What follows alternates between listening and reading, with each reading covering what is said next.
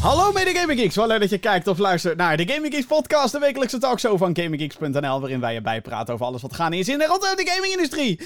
Ah, ik ben Jim, welkom bij de 74ste aflevering alweer. En dit keer heb ik niet één, maar twee mede Gamer Geeks die zich om mij heen verzameld hebben. En wat is dat toch fijn. Allereerst, hij neemt geen break, uiteraard niet, want hey, het is Johan Kreek! Hallo. En eh, de andere Ja. geek die met me meekletst is meneer de regisseur Vincent van den Broek. Hallo. Hi Jim. Hallo. Je voor ja. Hoe gaat het jongens? Nou ja, het is lekker warm binnen. Op het moment van de opname is eh, 10 maart 2019. Daar waar we een paar weken geleden... Oh god, we gaan het nu over het weer hebben. Dit is heel desperate. Maar Oh. daar waar we een paar weken geleden dachten... Hé, hey, de lente is er prachtig. Het waait. Het is keihard. Je kan bijna niet naar buiten of je vliegt. Wat op zich ook wel weer leuk is natuurlijk. Je kijkt naar de Climate Change podcast. De sneeuw. Wat doen wij toch Gaat allemaal dood. fout als mensheid? We Oh mijn god. dood. Alweer. Ten, ten, ten, ten, ten, ten, ten, Over tien jaar is het helemaal vergaan, deze planeet. Net zoals wat mensen tien jaar geleden zeiden. Dat, ze, dat het tien jaar later... dit- nou, daar klopt dus helemaal niks van. Ten, ten, Nog. ten. Eh, nog niks. Nou, we, we- we- Nog niet. Zoals eh, iemand eh, van een of ander bakprogramma zou zeggen, we gaan het zien. We gaan het zien. We gaan het zien. Vincent, heb jij eh, nog wat gespeeld eh, de afgelopen Ik, week? Jim, het is, het, is, het, is, het is een mirakel, maar ik heb Wat? diverse games kunnen aanraken Nou afgelopen ja, week. wat is er gebeurd? Wat is er gebeurd? Wat is er gebeurd? Nou, dit keer heb ik me geforceerd om wat vrije tijd te nemen, omdat het Je echt... bent eh. Sorry? Je bent nu single. Ja, dat zou wat zijn. Nee, weet het, eh, nee ik, eh, ik, had, ik had een heel druk, een heel eh, druk programma afgelopen week. En ik had echt het gevoel van, ik moet even iets anders doen. Dus vorige week heb ik eh, Hey You... Nee, godverdomme, zo heet die game niet. Pikachu, let's go. Let's go Pikachu. Zo. Let's go Eevee. Pokémon, let's go. Ja, Pokémon, let's go Eevee. Ik noem, dat, ik noem dat standaard Hey You Pikachu. Dat klinkt gewoon lekker makkelijk. Hey You Pikachu. Zo had die game moeten heten. Maar... Het is geïndoctrineerd. Nee, maar er is dus al een game die heet Hey You Pikachu. Ja, dat klopt. Maar zo had dit ook moeten. Maar goed, Let's Go Eevee heb ik Ja. gehaald. En ik vind hem echt geweldig. Echt, eh, desondanks wat iedereen me heeft afgeraden. Ja, moet je niet doen. Nee, dat is niet zo. Ik vind hem echt hartstikke leuk. Ik geniet er ik, echt ik met heb volle het teugen van. afgeraden. Wat zei je? Ik heb het afgeraden. Ja, jij hebt afgeraden. Johan die zei van ja, die, was, die zei van ja, hè, Ik, ik ben voorzichtig geweest. heel voorzichtig. En, er waren, en Jeroen die had zoiets van, nou, dat is gewoon Pokémon, maar dan beestjes die eh, doorlopen. ik vind het echt, serieus, ik vind het echt hartstikke leuk. Oké. Ik, eh, hartstikke blij dat ik dit heb gehaald. Ik vind het ook echt een eh, absolute aanrader vanuit mijn perspectief. Eh, natuurlijk ook een beetje die hele Pokémon. eh, ik heb hem denk ik aangeschaft naar aanleiding van die Pokémon trailer die afgelopen week eh, uitkwam. of was het vorige week? Die Nintendo Sword Direct. Ja, twee weken geleden. Was het twee weken geleden alweer? Alweer twee weken geleden. Twee weken gaat de tijd zo hard. Naar aanleiding daarvan dacht ik van. Ja, ik heb eigenlijk wel zin in. Eh, eh, ja, we zitten nu in de tweede week, ja. Klopt. Dus ik, eh, ik had eigenlijk zoiets van, oh, ik heb best wel, best wel zin in een Pokémon game. En ik heb al een paar keer had ik, heb ik het gevoel gehad van, nou, ik ben wel benieuwd naar deze, naar deze titel. Dus ik wil hem graag spelen. Maar gisteren dus, of nou gisteren, vorige, vorig weekend daadwerkelijk gehaald. We waren naar een verjaardag en we hadden, ik had op de duur had ik zoiets van, eh, nou, maar ik heb wel heel veel zin om na die verjaardag dit te gaan, eh, gaan spelen. En eh, samen met mijn vriendin, ik was hartstikke enthousiast. Ik heb helemaal niks gezien, hè. Dus helemaal niks van, ik heb één keer een trailertje gezien en toen was het van, oké. Maar ik wist helemaal niet dat je met z'n tweetjes kon spelen. De een speelt echt voor spek en bonen mee. Maar dat maakt niet uit, dat is ideaal. Dat doet mijn vriendin, doet het harde werk. game nog veel En ik- makkelijker. En ik, en ik ben gewoon lekker zo met dat dingetje aan het spelen. Wat Johan zegt, het maakt het veel makkelijker. Maar ik heb daar echt geen enkel probleem mee. Ik vind het ook heerlijk dat je die Pokémons niet tot aan het laatste streepje hoeft te verzwakken. Maar dat het gewoon meteen, net als in Let's Go, huppakee, dan ga je gewoon rechtstreeks vangen. Ideaal. Echt ideaal. Ik vind het gewoon heerlijk, gewoon dat laid-back Pokémon spelen. En ehm, ik hoop dat hier echt veel meer van gaat komen. En ik en was ook heel de erg... soundtrack mooi, hè? Eh, ja, ja, de soundtrack is natuurlijk gewoon de originele soundtrack. en dan Exact, gewoon... maar wel gewoon... Maar gewoon goed, ja, precies. Eh, en eh, wat, wat ik heel leuk vind van, eh, van dit spel is dat. Nou ja, de, de eerste keer dat ik het speelde, dat was Blue and Red. De tweede keer dat ik het speelde, dat was dan Yellow. De derde keer dat ik het speelde, dat was volgens mij dan de postgame in Gold en Silver. Klopt dat? Daar kon je ook terug, toch? In, Ja, naar, klopt. naar die stad. ja, zeker. En nou is dan de vierde keer dat ik dit spel speel en het is echt compleet anders. Ik vind het echt super tof om dan die wereld nu in 3D te zien. En om hem nu zeg maar op een leeftijd te zijn. Eh, dat je hem ook daadwerkelijk 100% begrijpt wat je nou precies aan het doen bent en wat het is. dus ik vind het heerlijk om dit gewoon nog een keer eh, te kunnen spelen. Eh, een mooi moment, dat was bijvoorbeeld met Bill, de Pokémon trainer, of hoe dat Ja, gastje ook ja, heet. die, die dat hij in een, Nidorino was veranderd. Het was Mhm. zo leuk om dat zeg maar gewoon nu te kunnen zien met alle kennis van Pokémon die je nu hebt. Dat je zoiets hebt van, oh best wel eigenlijk interessant dat dat kan in die wereld. Dat die man in een Pokémon kon veranderen. Dat hebben we eigenlijk nooit meer gezien volgens mij daarna. Is En dat heel was gek. hartstikke verfrissend om dat nog een keer zo te kunnen zien. Ik, heb er echt, eh, ik geniet er echt heel erg van. Maar is het nou ook zo dat daardoor jouw eh, enthousiasme voor Sword and Shield is Nee, gedegradeerd? dit is afgenomen. Ja, dus wel. Ja, dit is afgenomen ja, door, door dit spel. En de reden waarom... Ik, sorry, ik dacht dat je ging zeggen was toegenomen. Maar nee, mijn enthousiasme voor Sword and Shield is echt onwijs afgenomen. Eh, sowieso omdat eh, na het zien van de trailer baalde ik echt. Ik bedoel, Johan die heeft de afgelopen week een video eh, gemaakt over, eh, over zijn analyse over Sword and Shield. Absoluut een aanrader om te kijken. En er waren echt een paar momenten dat ik gewoon tegen mijn mobiel zit te praten van... Johan, wat lul je nou? Maar hij heeft wel gelijk. Maar er was één moment waarop hij zegt van... Waar, waarop, die, waarop die zegt, en ik was al heel druk in de Gamer Geeks app aan het typen, en toen dacht ik van, oké, laat het los.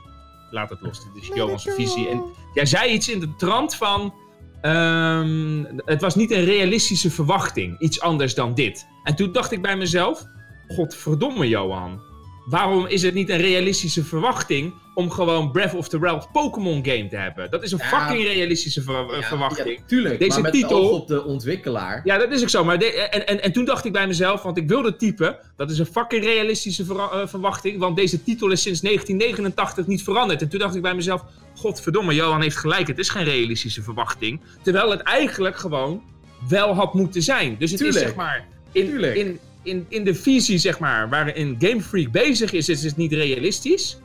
Terwijl het, terwijl zij gewoon niet die Terwijl iedereen dat wil. Iedereen wil het en ze doen het niet. En, het, het- en, en, en, en, en dan zeg je terecht van, dus het gaat er nooit komen. En dat frustreert me ontzettend. Dat ik denk van, ja, godverdomme. Sorry, pardon my language voor de tweede keer. Maar dit is gewoon, ze, ze luisteren niet naar wat we willen. Ze luisteren gewoon niet. Waarom? En, en dan denk je met, met, met, met Let's Go, Pikachu en Eevee, dan denk je van, oh, hartstikke goed die toevoeging van die Pokémons die nu door dat gras heen lopen. Ik heb nog nooit zo genoten van Rattata's die je in het gras ziet lopen. Eén, omdat je ze kan, ja, één, omdat je ze kan ontwijken nu. Ideaal. En twee, omdat je nu zoiets hebt van, oké, ik irriteer me er niet zo aan, want ze lopen daar los. En als er één op me afkomt, dan is het van, ah, Rattata die probeert me uit te dagen. Hij komt af schijnbeweging. maak een schijnbeweging. Ja, precies. Maar dan is het op een of andere manier is het weer lollig. En dat die functie niet in de nieuwe Switch games zitten, dat vind ik echt schandalig. Ik vind dat echt, althans, nog niet in de Switch games zitten. We weten niet alles erover. Maar het lijkt er niet op. Maar het ziet er naar uit, als wij die trailer mogen geloven, eh, dat het er niet in gaat komen. En dan denk ik bij mezelf, één stap vooruit. En nu weer met deze trailer drie stappen achteruit. En dan denk Ja. ik bij mezelf, er is sinds die games op de, op de 3DS, waarin natuurlijk hè, die 3D-wereld dan een beetje werd geïntegreerd. Mhm. Dan denk je van jongens, we zitten nu op de Nintendo Switch. Breath of the Wild is mogelijk. Waarom doen jullie dit niet met Pokémon? Waarom maken jullie er niet gewoon een, eh, de game van die, waar iedereen op zit te wachten? Van, en dan gewoon in één keer gewoon een system seller voor de, weet ik veel, voor die nieuwe Switch die volgend jaar uitkomt. maar gewoon, Ja, maar Maar daarmee leg je natuurlijk wel de vinger op de zere plek. Want eh, eh, dat, dat is eigenlijk wat er nu gaat gebeuren. Kijk, regardless van wat wij vinden wat Pokémon had moeten zijn op de Switch. Dit gaat verkopen als een malle. Dit is Tuurlijk. de system seller. Als een motherfucker, ja, ja, ja. ja, dit, ja. dit is de system Maar seller. het is niet de wat game. we willen. maar het is, het, Dit is de precies, system seller. en dat is het. het is, en, en, en, en dat is een beetje zeg maar het, het, het statement, want je kan besluiten om die game niet te gaan kopen. Hè? Uit Ja. een soort van frustratie van jullie luisteren niet ons naar, koop het niet. Dan koop Maar- je het nooit meer. Ja. op, inter, op, maar op, op, op een of andere manier in- interpreteren ontwikkelaars zo'n statement als van... dan is het spel niet goed als je het niet koopt. Snap je wat ik bedoel? Ja, ik En snap je dus ja, want dan dus die ontwikkelaars die zijn, Ja. die zijn bezig met wat zij vinden. En toevallig, ik ben met een, eh, met een project hiernaast bezig. Ik moet een trailer moet ik maken voor een videogame. En ik moest die game moest ik spelen. Ik ga er voor de rest inhoudelijk niks over zeggen, ook niet wat het is. Maar ik was die game aan het spelen en ik merkte heel erg bij die game dat die ontwikkelaar bezig is met van... Oké, wij maken een spel zoals wij het willen. En Mhm. die speler, die speelt het op de manier waarop wij het willen. Ja. Terwijl je eigenlijk het andersom zou moeten, moeten bekijken. Zeg van, hoe speelt een speler het spel? En daarop baseren wij ons, eh, onze game of passen wij onze game aan. En je Ja. ziet het gewoon steeds meer. Ja, En- maar heel eerlijk, dat gebeurt toch in geen enkele vorm van industrie per se. Sorry, wat Het hè? gebeurt niet in de muziek, het gebeurt niet in de film, het gebeurt, het gebeurt niet in de boekenindustrie. Dat ben ik niet helemaal met je eens, want er Nou, zijn gewoon grote... die schrijft een boek met een bepaalde visie. Niet, he- ook niet helemaal mee eens. Netflix baseert natuurlijk... Hè, Netflix gaat heel ver daarin. Oh ja, Algoritmes, ja, ja, ja. ja. Algoritmes en, uh, en, anal- eh, en analytisch en kijkgedrag. Maar Netflix is natuurlijk wel daadwerkelijk bezig met van... Oké, hoe kijken onze kijkers onze content? En op basis daarvan... Kijk, eh, hoe- Netflix die, doet- die, die, die doet het too much. Dus die heeft nu een heel script klaar liggen. Zo moet een script eruit zien. Waarop onze, eh, waarop onze kijkers blijven kijken en eh, hoe heet het, eh, blijven bingen, zeg maar. Om dat binge-gedrag Mhm. vast te houden Precies. ja, ik zeg, ik zeg niet dat op die manier alles moet, gemaakt moet worden. Maar het is wel van. de, bijvoorbeeld in zo'n Pokémon game, dan denk ik van ja, weet je. luister nou gewoon wat we willen. Luister nou. Ja, En- maar als, als, we, als we heel eerlijk zijn, waar ze natuurlijk het meeste naar luisteren zijn verkoopcijfers. En als je elke keer weer hè, we- Hetzelfde verkoopt. hetzelfde verkoopt en dat verkoopt als een malle, ja, Ja. waarom zou je in godsnaam dan wat veranderen? Dat is een beetje, Why would you? al- als Pokémon Ja, dat een is keer ook zo, tegenvalt maar qua, ik- qua verkoopcijfers, dan zal Nintendo en Game Freak, die zullen dan daadwerkelijk een keer gaan kijken naar, hmm, hmm. Nee, dat denk ik niet. Dat denk ik dus Jawel, niet. En de reden zeker. Waarom ik, nee, de reden waarom ik denk dat zo is, is van. Als wij nu zouden voten met onze wallet. en we zouden beslissen om deze game niet te gaan kopen. Ja. dan is het daarmee zeg maar niet van, oh, wat ze interpreteren is van, oh, ze kopen het niet omdat. Nee, ze kopen het niet omdat het spel niet goed is. En, ik, ik, en, en dan is het zeg maar, en dan is het van, oké, dan maken we voorlopig aankomende twee, drie jaar geen Pokémon game. En dan brengen we het over vier, vijf, zes jaar brengen we het wel weer uit. En dan kopen ze het waarschijnlijk wel weer. Dus dat is, ik, ik geloof niet, die visies die zijn gewoon compleet, compleet verstoord. Zeker dat bij een dat ook- ik bedrijf als denk dat- Nintendo. Ik denk dat dat verschilt per uitgever en ontwikkelaar. En, en op dit moment kunnen we daar eigenlijk in die zin niet over oordelen, omdat Pokémon altijd miljoenen verkoopt. Er is nog geen enkele Pokémon-game die is tegengevallen qua kerk- eh, verkoopcijfers. Laat staan een mainline. Ja, die echt geflopt is. Ja. En natuurlijk, je kan zeggen dat een puzzelgame van Pokémon geflopt is. Of dat een eh, spin-off nummer zoveel ge geflopt is. En met geflopt bedoelen ze dan waarschijnlijk... Hé, jammer, we hebben niet 14 miljoen verkocht. Ja, Ja, precies. verwachting, ja. Maar je Dus kan, ik kan bijna me toch maar- maar- voorstellen dat je zelf als uitgever ook gewoon die volgende stap wil maken. Natuurlijk, Ik maar kan dat...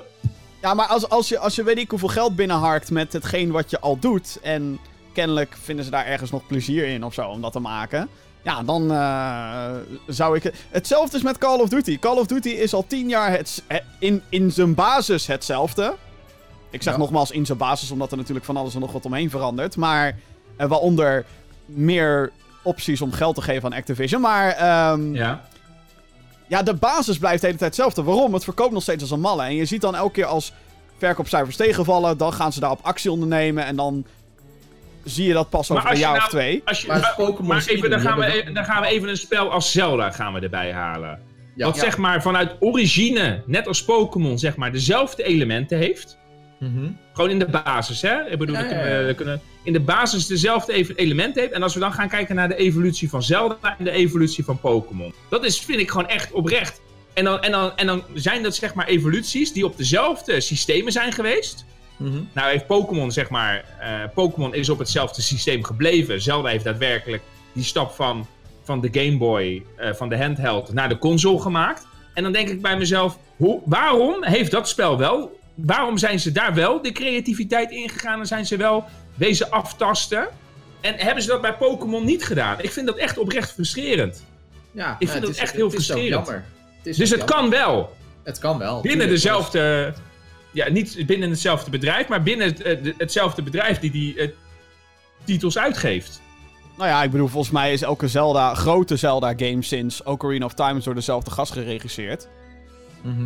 Die heeft volgens mij Twilight Princess, Wind Waker, Ocarina of Ja. Time en eh, Breath of the Wild Breath of gedaan. the Wild. Ja, Ja. klopt. Dus dan... En, en Skyward Sword, probably. Ehm, Ja. Maar ja, Skyward Sword wordt nu gezien als een flop, hè, trouwens. Dus het is niet alsof Ja, elke Zelda-game... Ik zeg ook niet dat elke definitie. Zelda game een succes is. Ik zeg alleen dat, dat bij ieder, dat elke Zelda game zeg maar wel. Ja, precies. En Ja. ik bedoel, ik was in het begin was ik ook niet helemaal enthousiast over de manier waarop eh, eh, over Breath of the Wild. En ik, ik twijfel daar nog steeds aan of dit de manier is waarop een Zelda-game verteld moet worden. Maar goed, ze hebben het wel geprobeerd en ze hebben wel die volgende stap waarvan hun zoiets hadden, waar- waarvan kijkers of spelers in dit geval eh, zoiets hadden van, nou, er moet iets anders in Zelda, we willen het op een andere manier. Ze zijn wel die wereld aan het verkennen.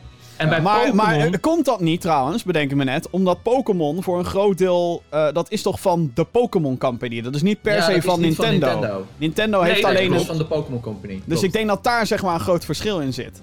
En dat daar de zit ook Pokémon een groot Company... verschil in. Maar Nintendo heeft wel 51% van de aandelen van de Pokémon Ja, Company. uiteraard, maar daarom hebben ze exclusiviteitsrechten eh, soort van geforceerd.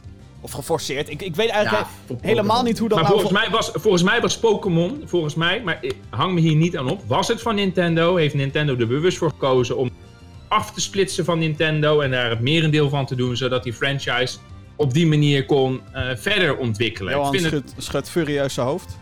Nee, dat Wat- is niet ja. zo. Oh. Oké, Nee. Vertel het wel, wel, verder. Het is wel zo dat eh, eh, eh, er is, dus zeg maar, voorafgaand aan dat het zeg maar Pokémon was, toen heette het eh, Capsule Monsters. Eh, het was een heel moeilijk project en, en toen is er iemand geweest die heeft geïnvesteerd in dat project. ja. En die man is uiteindelijk director geworden van de Pokémon Company. Die heeft het hele bedrijf erachter opgebouwd Ja, omdat hij blijkbaar wist dat dat een merk zou worden. En eh, ehm, volgens mij is het Satura Iwata geweest die nog heeft geholpen met de compressie van de Game Boy games. Oké. Ja, Ehm, daar zit dan het aandeel Nintendo. Maar Ja. Nintendo is eigenlijk, plat gezegd, uitgever van de Pokémon games. That's it. Ja. ja, ze zijn niet eigenaar van de franchise of zo. Nee, en eh, eh, de Pokémon Company is een eigen entiteit. Game Freak is een eigen entiteit. Eh, want die maken ook games die uitkomen voor de PlayStation. Niet heel veel, maar die maken ook Zo af en toe, games. ja, inderdaad. Nou, ja. kortom, kortom, we gaan dus met z'n allen met hooivork en gaan we naar Pokémon Company. Eh, Ja. Ja, waarschijnlijk. dat, dat zou je wel moeten doen. Maar het wat, wat ik ook al zeg in mijn video, hè, laten, we, laten we niet onze hele mening al baseren op die soort van anderhalve minuut die we hebben gezien. tuurlijk niet. Mee, helemaal En- mee en- eens. En, en, nog wel een beetje een open mind houden. Want ze kunnen natuurlijk. Ze zeggen zelf dat ze zich uitdagen om nieuwe dingen te proberen. Laten we dan godverdomme hopen. Laten we dan godverdomme hopen dat er in ieder geval iets van een uitdaging te zien gaat zijn. Ja. Kijk, weet je, wat, wat jij, wat jij vertelt over lineair, eh, niet lineair spelen, ja, mee, voor een gedeelte mee eens. Maar dat, dat is dan nog, zeg maar, mijn minste, mijn minste probleem, zeg maar. Of het wel of Ja. niet lineair is. Ik had gewoon die fucking Breath of the Wild willen zien. En ik had gewoon op zijn minst die stomme Pokémon willen zien rondlopen. Net als... Ja, dat ben ik En of, dat nou, en of dat nou zeg maar een, op dezelfde is als dat dan in Let's Go Eevee eh, gebeurt. Of dat, Mhm. dat, eh, of dat het op een andere manier is zoals we dat eigenlijk graag zouden willen hebben. Van oh shit, Charmander staat daar en Charmander popt niet op. Nee, Charmander die blijft daar staan. Ehm, dat maakt Ja. me niet uit. Wat ik bijvoorbeeld bij, bij, de, bij de Let's Go games super tof vind. Als je die stomme Onyx in één keer ziet spannen, bijvoorbeeld. Ik heb echt zoiets van, jezus, die proporties werken ook nog. Dus die Onyx, je hebt echt het gevoel van... Rattata is klein, Onyx is, mee, eh, is mega groot. Dus dat vind ik echt... Het kan dus wel. ja. Ik kreeg Nee, trouwens... maar een- da- en dat is het frustrerende. Als je kijkt naar de Switch. De Switch kan het dus. En Ja. daarom is het heel raar dat het dan niet in de volgende game zit. Want het Ja. is niet de hardware. Nee, Nee, absoluut niet. We kregen trouwens een vraagje eh, via de mail, podcast.gaminggeeks.nl. Dat is eh, het adres waar jij eh, al je vragen kwijt kan. Eh, commentaar op de show. Nou, ja, podcast.gaminggeeks.nl. En eh, onze enige echte vaste luisteraar, hopelijk niet de enige vaste luisteraar, maar eh Helly, die heeft weer een, eh, een mailtje gestuurd. En die gaat toevallig over Pokémon, dus daarom doe ik hem er hier even in. Hoi hoi Gaming Geeks. Toevallig. Ik ben er klaar mee. Ik ben boos. Op Nintendo en Game Freak. Doorlezen fanboys, mijn vraag is nog niet af. Oké. Waar blijft die Pokémon game waarbij je het verhaal van Ash Ketchum kan naspelen? Gewoon Kanto waarbij je de Indigo League probeert te winnen en niet opeens een Elite Four is. Ik wil Ash Ketchum zijn! In Caps Lock. En dat je daarna doorgaat naar Johto met de Johto League. Pokémon Geel Remastered en Extended, zullen we maar zeggen. Niemand zit nog meer te wachten op 800, uitroepteken, uitroepteken, vangbare Pokémon. Waar de helft van de Pokémon inmiddels random voorwerpen met een paar oogjes en een mond zijn. Na het zandkasteel Pokémon zal ik niet verbaasd zijn als er in de volgende generatie US Beely en Linealemon in de game gegooid worden. Waar blijft die fatsoenlijke remake waar ik al mijn geld naartoe wil gooien? Ik ben benieuwd naar jullie opinie. Groetjes, Helly. Ja, ja, dus die gaat er nooit komen. Nee. Nee. Ja. Nee, nee, Hey. ik, ik, ik, ik weet dat ik al jaren smeek om, om een game waarin meerdere eh, regio's te verkennen zijn. En dan vooral inderdaad vanuit eh, Red, Blue en Yellow. eh, Jo- eh, Kanto. eh, en eigenlijk ook het seizoen wat wel in de anime zat, maar wat nooit in de game naar voren is gekomen, de Orange Islands. Waar zijn die? Ja, what the Waar- fuck? Waar, waar, waar zitten die geografisch gezien binnen de Pokémon-wereld? Ik Ja. weet het niet. En, en Johto, inderdaad. Zodat je inderdaad een soort van pakketje hebt met yellow en gold en silver of zo. Ja. Het lijkt me Nee, Maar, maar dat is, game- maar dat is natuurlijk die gedroomde Pokémon MMO, waar we al letterlijk 20 jaar nu om schreeuwen. Zo van, maak een Pokémon MMO, dan ga je eerst naar door Indigo, daarna naar Johto en daarna naar die. Ja, of je- dat je in verschillende stadjes kan starten, Ja, weet je wel. la fuck? World of Warcraft. Hup, subscription Ja. services tegenaan, 30 euro per I maand. know. Ja, dat is I veel know. geld, I- maar mensen doen het Nintendo. What? Ik ga zo, No ik ga het money? sowieso doen. What? Ik zeg mijn baan No op en ik word? Pokémon Master. Ja, het is echt eh, Echt waar. Goed. Ja. Zometeen. Dus, maar ja, dat. Ja, zometeen gaan we het hebben over Nintendo. Die, eh, hun, eh, ja, die gaan weer naar VR toe, virtual reality. Dun, dun, dun. En Anthem krijgt wederom de volle laag over zich heen. Oh god. En eh, we gaan alle andere mailtjes gaan we natuurlijk ook nog behandelen. Dus stuur je vragen naar podcast.gaminggeeks.nl. Of je nu live meekijkt met de stream. Of je hoort dit achteraf. Of kijkt dit via YouTube. Gewoon lekker een mailtje sturen. Podcast.gaminggeeks.nl Heren. Ja. Er is weer nieuws rondom de E3 van 2019. Oké. Ja, Even belangrijk dit. Vind ik dan. triest. Triest. Ja, het is toch triest? Eh, het is toch triest nieuws? Oké, nou, wat is er aan de hand? Eh, de grootste gamingbeurs van het jaar, eh, die eh, lijkt zijn relevantie namelijk langzaam maar zeker kwijt te raken. Eerder kondigde Sony slash PlayStation aan al in zijn volledigheid niet aanwezig te zijn dit jaar. Dat is, eh, ja, grote, groot gemis, denk ik. Eh, deze week is er meer informatie onthuld over EA Play. Dat is het evenement wat de uitgever, EA, al een eh, aantal jaren organiseert vlak voor de E3. Eh, de datum is bekend, 7 tot en met 9 juni. Dat is inderdaad vlak voor E3 eh, dit jaar. Eh, daarnaast kwam naar buiten dat zij dit jaar geen persconferentie zullen houden. Wat de eerste keer is sinds jaren. Wel zullen er verschillende livestreams gehouden worden vanaf het evenement, zodat gamers wel iets kunnen meekrijgen van de games die daar getoond worden. Als reactie kondigde Devolver Digital aan dit jaar wel weer terug te komen met een eigen persconferentie. Hun presentatie van de afgelopen twee jaar die kan het best omschreven worden als een dikke parodie op alle andere persco's. Met een paar kleine momenten voor eigen titels. De overige partijen die wel bevestigd zijn, eh, die een presentatie gaan houden op E3 zijn Microsoft, Nintendo en de Kinda Funny Games Showcase. Dat, die laatste is een, eh, ja, een soort presentatie van een website, Kinda Funny Games. Eh, Er zitten een paar ex-IGN-journalisten die zitten daar. En Ja. die eh, gaan dus ook eigenlijk een grote presentatie doen met allemaal indies achter elkaar. Het is misschien wel natuurlijk wat vroeg om het erover te houden. Maar we zien een Ja. beetje, het schaakmat wordt gevormd. De kaarten komen langzaam maar zeker op tafel. Wat verwachten wij nu van deze E3 hierdoor? Kijk, weet je, de hype voor E3. En dat- die, die, die, die is niet meer wat het vroeger was. Mhm. En eh, dat is jammer. Maar ik kan me niet voorstellen, zeg maar, dat als jouw concurrenten allemaal, zeg maar, al ingaan, dat jij niet al ingaat op dat moment. Dus ik denk wel dat. dat, dat ik denk wel, zeg maar, dat die, dat die periode, zeg maar, waarin dingen geteased worden, dat die, dat, dat die periode blijft. Dat, dat denk ik wel. Alleen Ja, het denk niet allemaal meer op een E3 zijn. Ik weet, ik weet bent- niet of het, eh, of het heel verstandig is om als een, eh, als een Sony eh, op, een, op een specifiek moment waarin zeg maar ook Nintendo, Microsoft en bla bla bla al hun nieuws aan het spuwen zijn. Eh, ik, ik, zou, ik zou bijna willen zeggen dat je, dat je juist daarvoor wil zijn om je eigen. Ja, dat, is, dat, dat is een beetje het probleem, want als iedereen zeg maar steeds daarvoor, oh dan gaan wij weer eerder dan Sony, dan gaan wij weer eerder dan dat, dan gaan wij weer eerder dan dat. Eh, dan blijf je. Dus eh, volgens mij op die mobiele telefoonmarkt is dat volgens mij toch ook een moment waarop iedereen zoiets heeft van nu presenteren wij onze Ja, in, nieuwe. in Madrid is dat eh elk ja, en dat is in januari volgens mij. En dan gaat Ja, iedereen in één keer van, oh, dan hebben wij nu dit. Dan hebben we dus, dus ik denk dat dat soort momenten wel gaan. Ik denk dat zoiets wel blijft. Ik denk alleen niet meer dat dat, dat, dat in de, op de manier gebeurt zoals dat nu is. Nee, maar als je anders- naar, naar PlayStation kijkt, die, die zijn al niet meer aanwezig. Die Nee. doen dus al geen persconferentie meer. Eh, die zijn op dit moment marktleider. Eh, die gaan de PlayStation 5 ergens dit jaar onthullen. Ehm, Mm, weet je dat ze zeker? dat, waarom zouden ze dat in juni doen? Weet je dat zeker Waar? dat ze dit jaar de PS5 gaan onthullen? Ik denk het niet namelijk. Nou, even kijken. Nee, Ik de denk dat ze- kan dat eh, niet bevestigen, nog ontkennen. Maar eh, ik, ik denk van wel.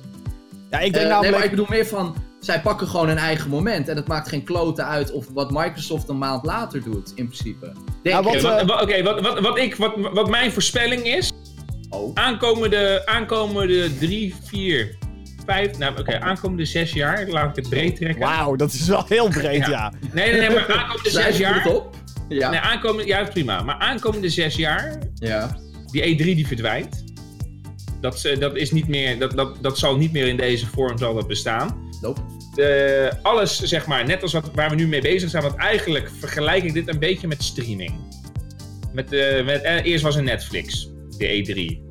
Bij wijze van, voor, je, Mhm. voor, je, voor, al je, voor al je content. En nou in één keer begint iedereen hetzelfde te doen. Dus we Ja. zien dat het allemaal diffuus begint te raken. Mhm. En ik denk dat diffuse, dat houden ze nu vast. En over zes, zeven jaar, dan komt er iemand van... Hey, misschien is het wel leuk als we alles bijeen doen. En dat we allemaal Ja. weer eh, gaan, gaan converteren naar elkaar. Dat we allemaal weer bij elkaar komen. Ik denk dat dat gaat gebeuren. En ik denk dat dat misschien, zeg maar... Misschien is dat een conjunctuur die gewoon ingezet nu gaat worden. Oké, hey, eerst alles diffuus. Ja, het is, het is eh, al vaker gebeurd dat de E3 eh, eh, hele drastische veranderingen kreeg. Op een gegeven moment werd het echt een soort van klein zaaltje in een business Ja. area ergens. En toen had iedereen ook zoiets van... Hmm, weet je al, Dit is het niet helemaal. Ja. dit is het niet helemaal.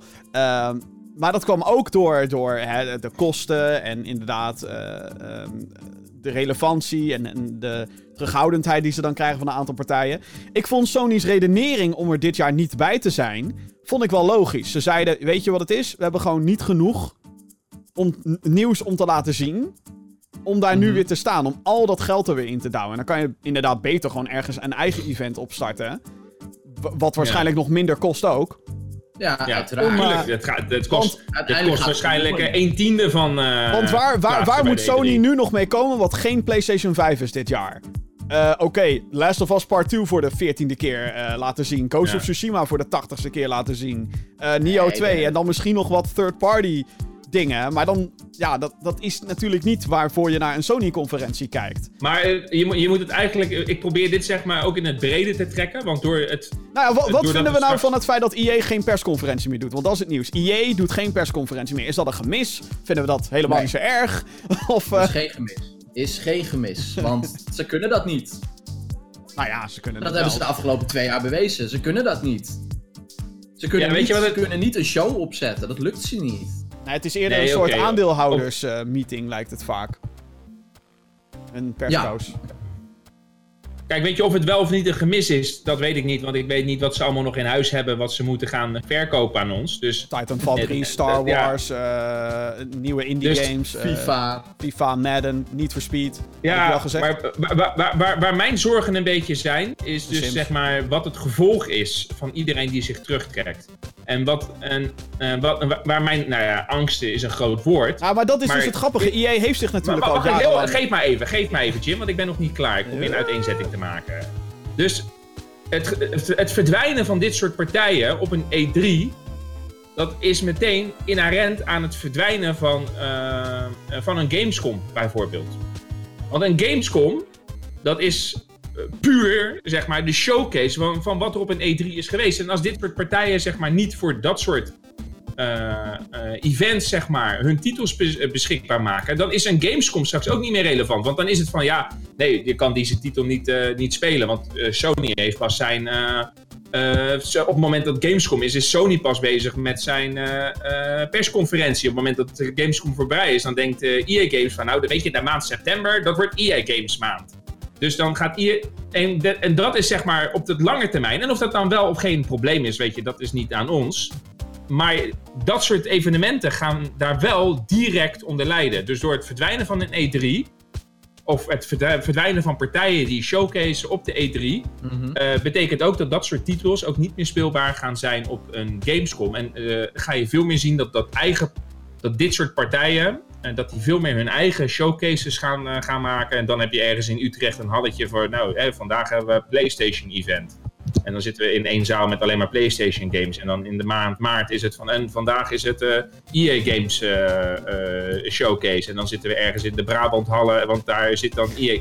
dat probeer ik een beetje te... Dus zeker voor een markt als Nederland, hè, waar je dus je first look dan, dan hebt, of in Duitsland de Gamescom, gaan dit soort... eh, gaan dit soort beslissingen, die dus nu op groot niveau gemaakt worden, gaat dat direct gevolgen gaat dat krijgen. En dat is iets wat ik persoonlijk als gamer wel jammer vind. Omdat Ja. ik dat soort evenementen wel belangrijk eh, Nou, vind. ik, om de- ik daar- denk niet eens dat het zo, zozeer zoveel effect gaat hebben. Kijk, de, Dat denk ik wel. eh, uitgevers willen altijd wel een plek hebben om hun titels te showcaseen. Of dat nou op een E3 is. En als, het, als ze E3 niet halen for whatever reason, oké, gaan we naar geval voor het Gamescom. najaar. Ja, voor het najaar. En dan is Gamescom natuurlijk de, een van de grote pijlers, zeg maar.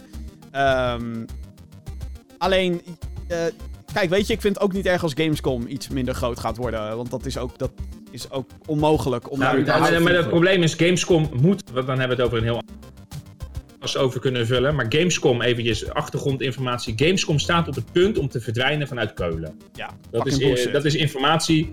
Eh, dan wil Gamescom wil eventueel naar eh, Leipzig eh, gaan. Ah, Want- nee, terug naar Leipzig. Ja, precies. Dat is dus nu het stuk. Want Gamescom kan op dit moment in Keulen niet uitbreiden. Omdat het, eh, omdat het vastzit. is te de, groot. De, de, de koelmessen mag Ja. en kan niet groter worden dan dat het nu is. En Gamescom, om dus te kunnen blijven, moet Gamescom groeien. En die groei kunnen ze dus in Keulen niet waarmaken. Moet dus verhuizen. Ja. Dus ze moeten verhuizen. En dat is dus nu iets, hè, dat is dus nu het probleem wat gaande is. Dus wat Jim zegt, ben ik soort van mee eens. Gamescom moet niet nog groter worden. Maar ja, op een of andere manier is dat zeg maar, net als met, wat je met de HEMA destijds hebt gezien in Nederland. Om, te, om niet failliet te kunnen gaan, moeten ze groei maken. En om die groei waar te kunnen maken, eh, kunnen ze zich niet alleen maar vestigen in Ja, Nederland. is- En zag je dus in één keer de HEMA's in Parijs ontstaan. En op een of andere manier is dat dus marketing of business technisch dus nu ook bij Gamescom aan de hand. Ze moeten groeien. En dat kan dus niet op deze plek. Ja, dat is nu ook En natuurlijk wat er met, met de Efteling gebeurt de hele tijd. Die krijgen telkens Ja. maar land erbij, erbij. En als ze geen land dat beschikbaar is erbij krijgen, dan dreigen ze gewoon van oké, dan... failliet ga- te gaan. Ja, Nee, nee, dan zeggen ze oké, dan verkopen we onze shit aan een Chinese, eh, Chinese investeerder. En dan is de gemeente Kaatsheuvel, nee, neem het land! Maar dat is- En maar dat is dan nog soort van op te lossen. Maar dat heeft natuurlijk ook een limiet. Want de Efteling kan maar zo groot worden. Er zit natuurlijk ook... Hetzelfde geldt voor Disney en al dat soort dingen. ja, dat klopt. Ja, Nee, maar wat Vincent zegt is wel interessant inderdaad. Want eh, bepaalde demo's worden natuurlijk gemaakt voor de E3. En heel veel van die demo's die staan op Gamescom. Dus of je, of je gaat een soort van verschuiving zien. Ik denk sowieso dat de E3 als, als business event niet gaat verdwijnen. Omdat er gewoon heel veel business met eh, retailers en bla bla bla wordt gedaan eh, binnen Noord-Amerika. Ja. Mhm. Eh, dus eh, er zal altijd zo'n soort event blijven waar in ieder Ja. geval alle business bij elkaar komt. Idem voor Gamescom. Eh, omdat daar de Europese eh, business wordt gedaan.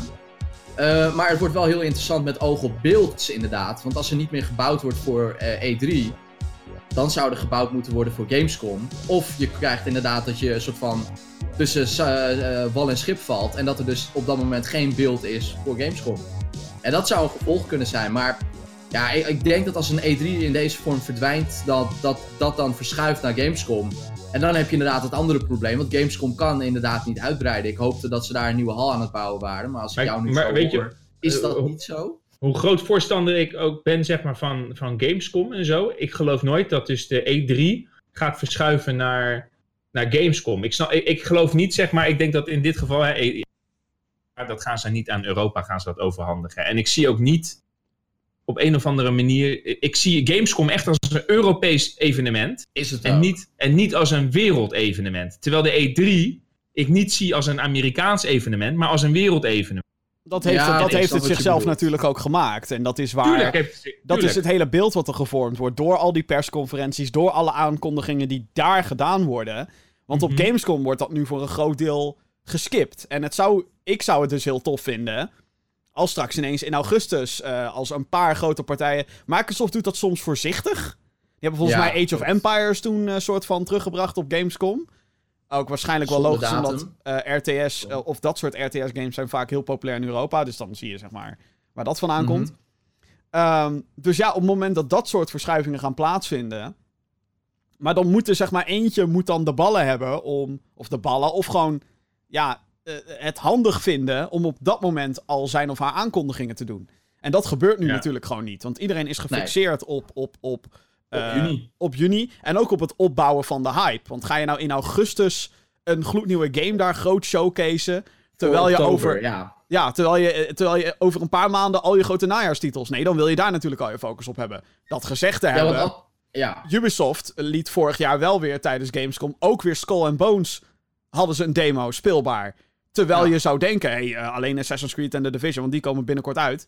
Maar nee, ze deden ook Skull and Bones.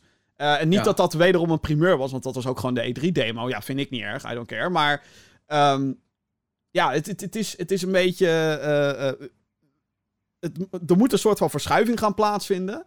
En de uitgevers doen nu al zeg maar, het initiatief nemen om een, in ieder geval iets van E3 weg te halen. En of dat goed is, voor hun waarschijnlijk wel. Want als je Ja, een random game website opent, sterker nog, ehm, hè, als wij het ook streamen, je wordt zoveel beladen met informatie.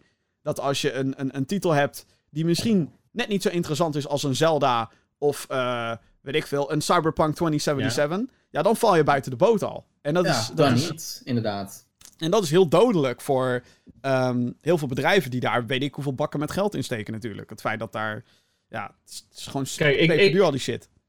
ik, wa- wat, wat het beste zou zijn, is eh, een E3 die verdwijnt. Dat kan. Dat is prima. Als die gasten, zeg maar, gewoon hè, onder, achter de deur met elkaar gewoon eh, een contactje hebben, is jongens prima. Maar wat wij wel gaan doen is, wij gaan wel gewoon met z'n allen in die periode gaan wij livestreamen. En dan hoeft dat niet onder een E3-titel te zijn. Kan iedereen dat binnen hun eigen budget, binnen hun eigen, eh, eh, en binnen hun eigen plek, op hun eigen locatie doen. Maar wel binnen een, binnen een periode van een week, twee weken, bij wijze van. Dus dat dat op die manier. Ik denk dat, de- dat we daar naartoe gaan. Dat dat in, in dezelfde periode is, maar dan gewoon op eigen, op eigen manier, op eigen initiatief. Zonder dat je daar een conferentie voor, eh, voor nodig hebt die dat host. Ja. En, wat, en als dat gebeurt, dan zou het heel fijn zijn. Want ik zou dat, dan kijk ik een beetje voor ons. Dan zou het heel fijn zijn als je meteen Ja, precies. materiaal kan restreamen. Van jongens, hier, dit is PlayStation. Alsjeblieft, zend maar door voor alle influencers die daar meer omheen willen gaan maken. Zodat die gasten. eh, dan, dan krijg je een veel groter bereik. eh, dan Maar denken wij, eh, denken wij dat PlayStation een, eh, een eigen event gaat doen voor Ja. of Ja. na de E3? Ik denk namelijk dat ze in mei iets gaan doen. Voor, voor de E3. Ja, dat is dan mei. Of althans, dat denk, ik. Ja, nou ja, ja, inderdaad, april, mei. Nou, daar gaan we nu achter komen. En, eh, en als, dat, is dat, als dat in dezelfde periode is. Maar de PlayStation deed dat. Een paar jaar geleden. Ja, toen deden ze natuurlijk twee evenementen. Deden ze één voor de E3 en één tijdens November. de E3. Ja, nee, ik denk, ik denk dat het. eh, ik hoop dat het in dezelfde periode is. Ja, ze hebben vorig jaar ook al PlayStation Experience. ja, nee, hebben ik, ze ook ik al hoop het geskipt. voor ons. Ja. Ik hoop het het ook voor ons, inderdaad. Ik hoop het ook. Het zou voor iedereen, zeg maar, voor de hele pers en journalisten en zo, zou het heel fijn zijn als het allemaal binnen dezelfde periode is. En of het dan. Hè? Ja, Wat? Eh, als je iedere journalist elke, elke maand een keertje in moet vliegen naar LA. Omdat de ene keer Microsoft iets wil laten zien. En de andere Precies. keer EA wat laten, wil wat laten zien. En, en Nintendo die wil nog een keertje in, in, eh, in augustus eh, dat, je, dat je naar Japan Ja. komt. Of, nou, veel geld. het kost Ja, maar veel dat, geld. maar dat gebeurt natuurlijk al. Hè? Want voor sommige individuele titels worden gewoon al vliegtickets geboekt en dat soort dingen. Kijk, wij Maar zijn daar... wordt betaald door de, door de uitgever. Ja, nou, dit toch ook? Nou, maar niet alles. Nee, niet alles. Ik bedoel, er zijn eh, gewoon, en ik denk dat een, ho- eh, dat een groot gedeelte eh, op dit moment is van je, je krijgt je perspas, maar dat je gewoon op eigen houtje erheen moet gaan hoor. Ik kan je me niet voorstellen dat. die pers Oh, ja, wordt denk ik ook niet. PlayStation om daar naartoe Nee, te gaan. geloof ik ook niet. niet. Ik geloof niet dat die hele volle Maar, daar- zaal maar daarom, denk ik ook dat we, daarom denk ik ook dat we veel meer naar een presentatieformat gaan. En niet zozeer naar, hey, kom onze shit spelen en kom alles eh, in real life checken.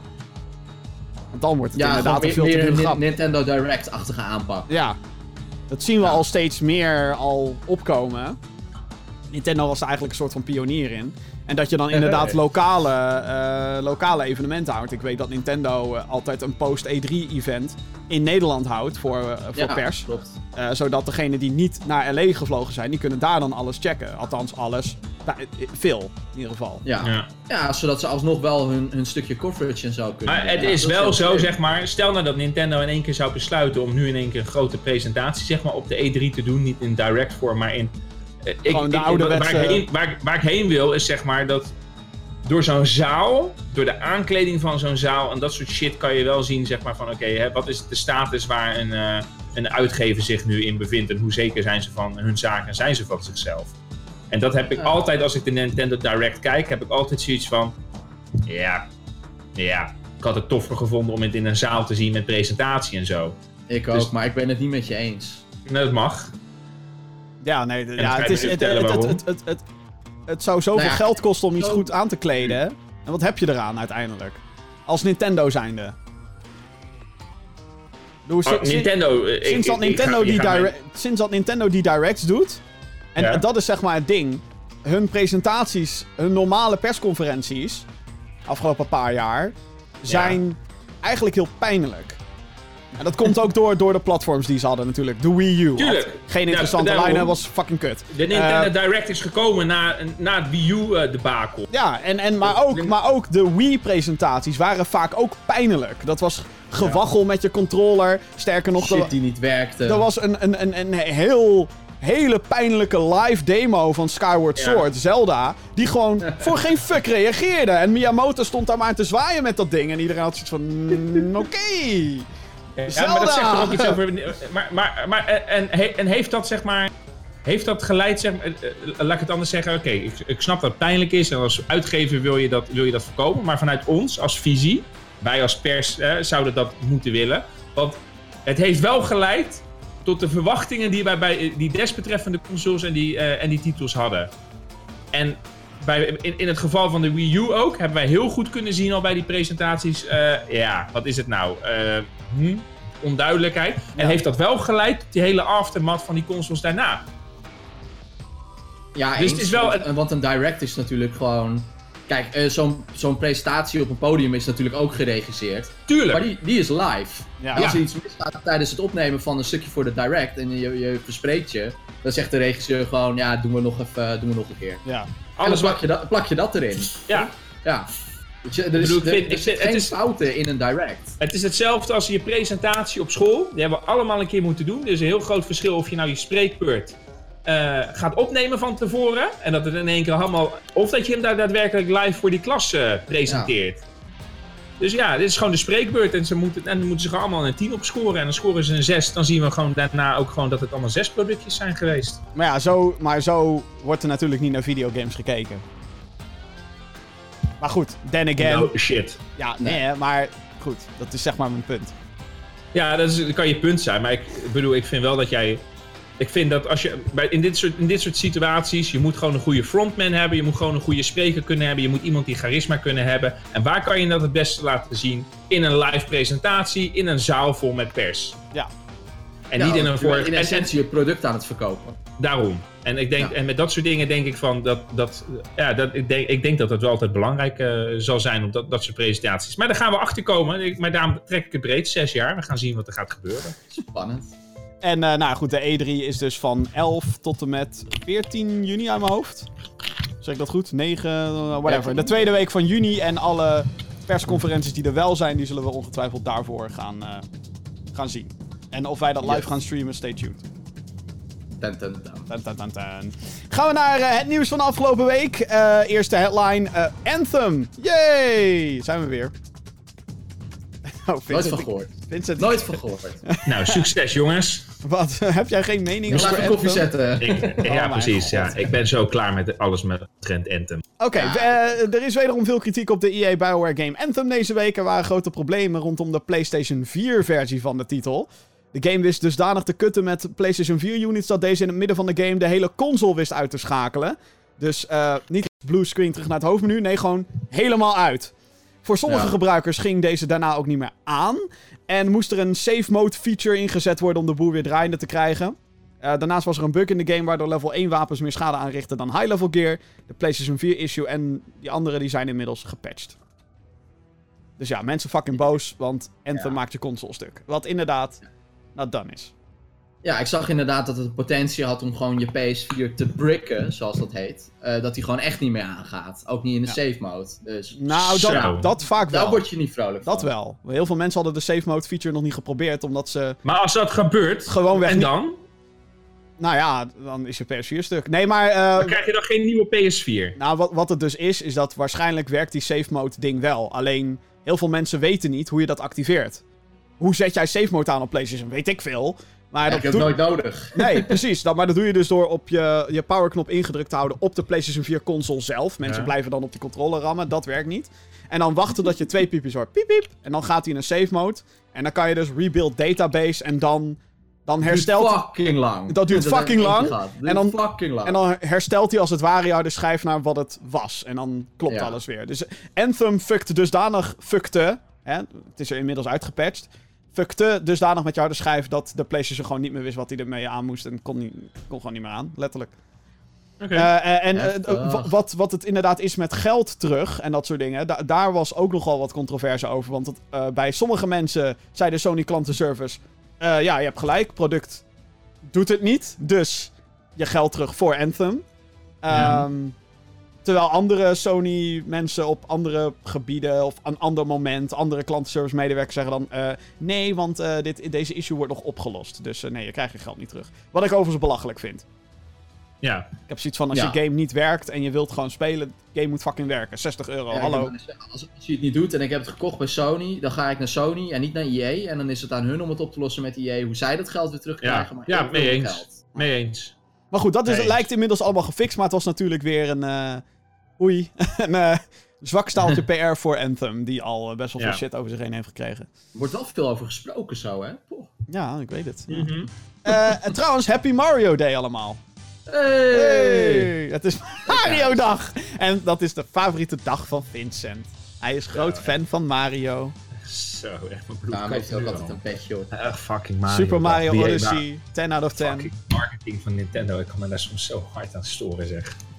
Mario dag. Ja, je hebt wel iets roods aangetrokken voor de gelegenheid. Ja, ik, echt, ik ben in staat om alles, gewoon alles van rood gewoon meteen weg te doen. Anyway, Echt, ik kan... eh, Oké, ja, ander onderwerp. Nintendo, Nintendo. zet voorzichtige stappen in VR. Ja, nou, nou had ik het over Mario dag. Eh, er komt een Labo-kit. Dat zijn van die kartonnen dingen waar je je Switch in en je controllers in duwt. Waarbij de kartonnen accessoires ook een lens krijgen waar de Switches achter geschoven moet worden. Dus ze krijgen zo'n eh, VR-bril-achtig idee. Het pakket gaat 80 euro kosten, komt 12 april uit. Het is natuurlijk niet de eerste keer dat eh, Nintendo iets met virtual reality probeert. In 1994 bracht het bedrijf de Virtual Boy uit. Maar hoe minder we daarover vertellen, hoe beter voor Nintendo. 80 euro. Voor karton en twee plastic lensjes. 80 euro, echt. En die Google, die, die Google dingetjes, die Google toen destijds uit, die, kon je gratis krijgen. Echt, ik vind het zo, ik vind het echt Hier schandalig. zit ook de software 80 bij, hè? Maar die Ja, andere... klopt, die software. Die, jongens, die software die, andere- zou je, die zou je gratis moeten kunnen eh, installeren als ze echt die VR-stap willen maken. Donder op. maar die, eh, 80 an- euro. die andere Labo-kits waren ook al rond die prijs. Dus dat Ja, verbaast me even. 80 maar- euro ja. voor een stuk karton. Ja. Echt, ik, ik vind het echt, ik Nintendo vind het echt karton. Het is Nintendo-karton. Echt, ik vind het echt schandalig. 80 euro voor Nintendo karton. Donder op. Leuk, ik vind Wel, het eh, wel hoe- heel goed van het jaar. echt heel goed dat ze die, dat ze die VR-stap... Ja, maar dan nog, Johan, 80 euro. Ik vind dat echt... Ja, ik, ik vond het toen ook al te duur, Finn. En het is nog steeds te duur. Ik En- weet maar- maar nu gewoon- echt- Echt hooray dat ze die VR-stap gaan maken. En dan denk ik bij mezelf, oké... dat gewicht van je Switch op je kop, prima. Gaan we achterkomen. Dus ik snap dat je het in karton doet. Zo zwaar is dat ding niet. Hoezo? Die kinderen moeten dat op hun kop dragen. Op hun hoofd, Vincent. Ja, maar het is nu zeg maar een onderwerp waar ik het niet mee eens ben. En dan noem ik het kop, zeg maar. Als ik het er niet mee eens ben, dan ben ik heel recalcitrant. Maar 80 euro. Echt. Kop. 80. Ziet er wel grappig uit, moet ik zeggen. Ja, leuk. Ja, ik vind het Eh, ook wel leuk uitzien. 80 kleuren kartonnetjes. Nou, Nintendo, als je dit hoort, stuur een pakketje Ja. naar ons op. En dan zorg ik dat Vincent met plezier, ja. met plezier... Nee, maar ik ben, op, nee, maar ik ben oprecht benieuwd naar, naar Nintendo. Ik denk dat daar geen. Dat, dat, ja, ik ben wel benieuwd wat dat dan gaat worden. Eh, Absoluut. Ja, dit, Maar- dit, is, dit is natuurlijk gewoon... Ja, het is, het is een stap naar VR. Maar het is niet alsof ze nu zeggen... Er komen Nee, maar dan moet je nog hebben. En, dat het, en dat het karton is, dat vind ik ook. Zeg maar, dat vind ik- VR, kijk, karton, net als Google eh, eh, Cardbox, dat was de, dat was de eh, titel. Mhm. Maar 80 euro, donder op. Dan leg je er 80 euro bij en koop je op Marktplaats een PlayStation VR. Dat moet je sowieso doen, ja. Nog een PlayStation. Dat is waar. Maar die hebben heel Ja. veel mensen al. Ja, Meer Of, mensen dan dan... koop je gewoon, of je koopt voor 5 euro koop je bij de Action. een, nou, eh, rot op. Nou moet je echt weggaan. Dat is dezelfde Ah. tering zo, Johan. Ah, nee man. Jawel, man. Je weet dat het, eh, je, het is precies hetzelfde. Wat, wat die Nintendo VR gaat doen, die, gaat je, die, gaat je, eh, die gaat een switch, die gaat die door de midden doen. Dus, de, dus die resolutie, nou ja, dat, daar gaan we achter komen. Maar Hoger dan de PlayStation, hoger dan de Dan zeg PlayStation VR. de ja, dat klopt. Iets hoger, dat klopt. Ja. De, gewoon de resolutie van je Switch. Moet je natuurlijk wel voor zorgen dat je niet krasjes en dat soort zooi erop hebt. Maar goed, die gaat die Switch gaat die halveren. Net als wat je op je mobiele telefoon hebt. Twee verschillende camera's. En dat douw je gewoon in zo'n boxje en dat zit dan op je kop. En dan eh, een Ja. goed rubbertje aan de achterkant, zodat die Switch niet op de grond valt. Dus het is gewoon precies hetzelfde als een action ding. Het is, het is precies hetzelfde. Maar Met- dit met is met de Joy-Cons en de. Toy-Cons en de software en Nintendo cartons. Het is super. Het is echt super slim dat ze die stap doen, maar 80 euro voor zo'n pakketje. Ik ga, die, ik ga, ik ga denk ik een Kickstarter eh, oprichten. Misschien moeten we dat gaan doen. Of iemand anders die mij daarin kan steunen. En dan doe je het gewoon een Kickstarter doe je van, eh, en dan noem je dat gewoon even is net iets anders. En dan eh, be- betaal je de 6, 7, eu- 8, 8 Je euro kan, voor. je kan al Nintendo Labo knockoffs kopen op Ali of zo. Dus, eh, Oké, eh, nou. any- anywho, eh, wat ik denk is van inderdaad super tof VR. Ik wil het ook echt proberen. Maar ik vind het juist, eh, als ik dan kijk naar de, de eerste prijs van die setjes, 80 euro. Mhm. En nu dan VR, dan denk ik 80 euro. Wow, oké. Nee man, echt niet. Oké, Nee, echt niet. dat, Echt dat niet. denk ik dan. Dit is gewoon een software, een soft, een software update is het. En dan 80 euro Met daarvoor betalen. Nee. Als je, dan moet je gewoon, dan moet je Nintendo Switch games gaan uitbrengen die only in VR zijn. En daarop mag je, wat mij betreft, gaan cashen. Doe je daar gewoon even lekker. stap is. Doe je van die stomme demo's eh, die je ook 60 euro eh, uit laat geven. Net als die eh, Eagle Flight Ubisoft staf. Daar is ideaal voor. Maar niet 80 euro voor een kartonnen doosje en dan je software erbij. On, ander onderwerp, Jim. PlayStation 4 exclusive Days Gone is goud gegaan. Dit betekent dat de game naar de drukker gaat. Sony Band heeft ruim 6 jaar gewerkt aan de open world post-apocalyptische game met zombies. Of sorry, ze heten hier Freakers. Freakers. Eh, previews van de game, die zijn tot dusver positief. Ja, er zijn een aantal mensen uitgenodigd om die game te gaan spelen voor drie uur lang. Wij zaten daar niet tussen. Sony, what the fuck. Eh, en eh, ja, gewoon eh, de, feiten, de feiten presenteren, Vincent. Ehm, maar ja, de, tot dusver zijn de reacties volgens mij wel heel goed. Ja, wat ik heb gelezen is dat, dat dit gewoon weer een. een ja, gewoon weer zo'n PlayStation game wordt. Gewoon met een, een goede narrative en gewoon. gewoon goed. Gewoon, ja, gewoon een, een waardige PlayStation exclusive. Ik heb er zin in. Ik heb er ook heel veel zin in. Pre-order van de Collector's Edition staat natuurlijk bij mij al. en die is al besteld. Bij mij de limited. De Epic Game Store heeft weer een, eh, een exclusiefje te pakken. Op de PC dan natuurlijk. Shakedown Hawaii, de opvolger van Retro City Rampage, komt in lente uit voor de, let op, Nintendo Switch, PlayStation 4, 3DS en PlayStation Vita. Het is een 16-bit Grand Theft Auto-achtige game met over-de-top actie. Eh, deze komt dus eh, voorlopig niet naar Steam, maar weer naar Epic Game Store. Dus dat is weer een titeltje die ze naar zich toe hebben Hebben getrokken. ze ook eindelijk een datum gegeven voor die titel? Want ik Eh, zit nee. er best wel een tijdje op te wachten. Lente. Lente 2019 nu. Oké. De eerste Diablo is nu verkrijgbaar op eh, Good Old Games. Beter bekend als GOG of GOG. De game kwam uit in 1997 en is nu dus verkrijgbaar via de dienst, waardoor het ook meteen speelbaar is op moderne besturingssystemen. Het is de eerste keer dat de game digitaal beschikbaar is. Blizzard heeft aangekondigd dat ze ook Warcraft 1 en 2 op deze manier naar de dienst gaan brengen. Iets wat wel heel erg tof is voor de oldschool Blizzard fans. Zoals ondergetekende. Ja? ja, ga jij dit kopen? Zit jij erop te wachten? Jazeker. Het, het verbaast me eigenlijk dat ik... Ga jij, ga jij Diablo nu nog een keer... Diablo 1, hè? Ja, Ga jij nu nog een keer spelen op je Windows 10 systeem? zeker.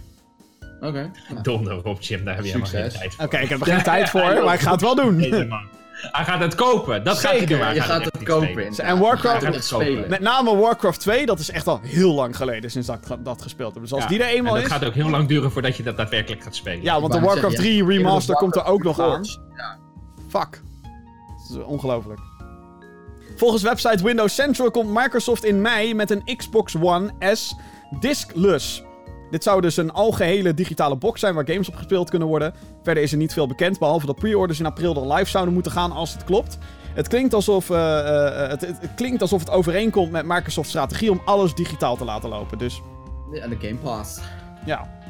Dus zijn we hier enthousiast dit- over? Dit klinkt, dit klinkt heel likely. Ja, ja. waarom niet?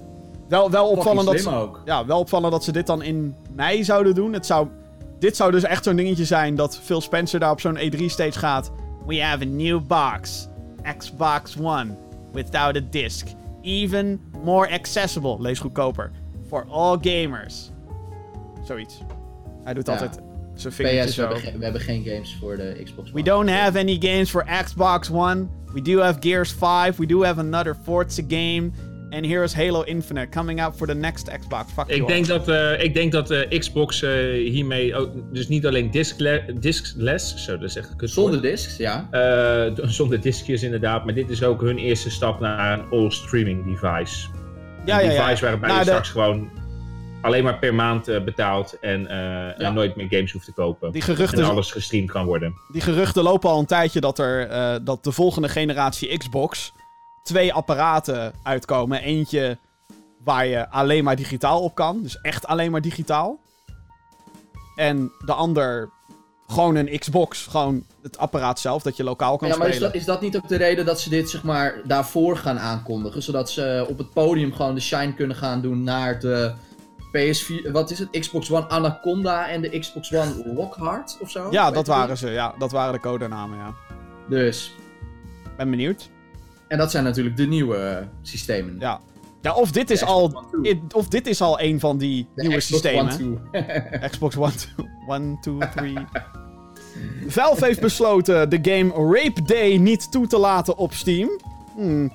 Eh, volgens het bedrijf staan er te veel risico's tegenover, waardoor ze besloten hebben dat de game niet verkocht kan. In Rape Day speel je als een seriemoordenaar die erop, die erop uit is om vrouwen seksueel te misbruiken. Het verwijderen van de game heeft tot veel discussie geleid online. Zowel het bestaan ervan als mede Valve's beslissing. ja, En de grote, grote het grote discussiepunt over Valve's beslissing zou dan zijn... eh, er zijn talloze games waarin we mensen gewoon vermoorden. Maar Mhm. een game waarin je dan een vrouw kan verkrachten gaat dan ineens te ver. Dat is een beetje... eh, Ja, nou ja, blijkbaar hebben we geaccepteerd dat, dat random moorden wel kan. ja. Ja, nee, maar Ja. dat is het toch? Ik bedoel, Ja. dat, dat, zo, zo zitten wij nu in elkaar. Dat een, een, een moordpartijtje, dat moet kunnen. Maar een, een, eh, ja, een, een verkrachting niet. Ja. En Ja, ja. Daar krijg je hele interessante discussies over. Ja. Dat, eh, dat snap ik meteen. Dat zijn hele interessante discussies om aan te horen, maar om daar vooral geen onderdeel van te maken. Hé, jammer. Poging mislukt. Nou ja, ik vind, ik vind voor beide valt wat te zeggen. Kijk, dat, dat, dat een game, ook met zo'n titel... Ja, dat Valve dan zegt: dit is te risky voor ons als winkel en als distributeur zijnde. Hm, dat snap ik. Ehm, Ja. Dat er geen verkrachting in een game zou mogen zitten, vind ik absolute fucking bullshit. Want inderdaad, met dat argument, we moorden alles uit. We, we, we voeren genocides uit, weet je wel. We, we, we- ja, maar het zit, het zit wel in boeken en in films en in series. Ja. Daar kan het wel. Daar ja. kan het allemaal wel. Eh, sterker nog, er was een aantal jaar geleden was er grote discussie rondom Tomb Raider, de reboot, 2013. Toen, daar is, zit een scène in waarin Laura bijna soort van, er wordt gehint naar dat een gast haar wil... Toch? Ja, nou, Maar- haar aanranden. maar... en daar was toen ook denk- grote eh, shit onder. Van, "Eh, je mag Lara Croft, mag je niet dat soort dingen aandoen, bla bla bla. Dat heeft helemaal niks met haar groei te maken, bla. Terwijl ik denk, ja, eh... Niet lullig bedoeld, maar- Iets, ik, heb, ik heb er wel iets over te zeggen, over dit onderwerp. En dan kan Oh. ik heel veilig... Kan, ja, maar ik kan het heel veilig brengen. Ik denk dat het ook allemaal te maken heeft, zeg maar, vanuit het perspectief en de point of view waarmee je het doet. En wat ik daarmee probeer te zeggen is dat, ehm, Hmm. dat in, in, in een moordpartij, hè, een moord is nooit eh, gerechtvaardigd, maar in, vanuit een, als je vanuit een characters perspectief kijkt, zeg maar, dan kan dat dus in, in neem bijvoorbeeld een, eh, een Tweede Wereldoorlog, je vecht vanuit het perspectief van een land. En die hebben daar bijvoorbeeld hun eigen idealen. Eh, nee, het, laat maar, het is gewoon niet goed praten. ik dacht, je gaat, nu echt een, je gaat nu echt een Nee, mooi punt maken. Nou, het was echt. ik- Nou, ik dacht echt, zeg, waar, waar ik heen wilde, is zeg maar vanuit, de per- vanuit het perspectief van een karakter. Hè? Je, je bent. Je, je gezin is uitgemoord. En daarom ga je nu terug wraak nemen op de bende die jouw gezin heeft uitgemoord. En dan Ja. zou je zeg maar vanuit dat narrow-minded perspectief kunnen zeggen van ja, maar dat is rechtvaardig. Nu ben je een seriemoordenaar die erop uit is om vrouwen seksueel te misbruiken. Eh, ja, maar, dan- maar wat zeg je dan? Dat als, als je een character speelt dat zeg maar in zijn jeugd heel veel eh met door met vrouwen is dat misbruikt is, dat, ja, dat zal dan, dan... dan, de- wordt het, dan is het rechtvaardigd. Nou ja, nee, dat is, dat is dus heel lastig om dat dan eh, ja of nee op te zeggen. Maar dan, Ja. zou, dan, dan zou je inderdaad een character... Dan ligt het eraan van, eh, wat, is, Dan wat zijn dan dus die vrouwen? Zijn, ja, ik denk dat het om het motief gaat inderdaad. Ja, Ik en, denk maar, ook, maar ook echt om een perspectief. Want als je uitgaat van een. dus het klinkt misschien als een heel raar voorbeeld.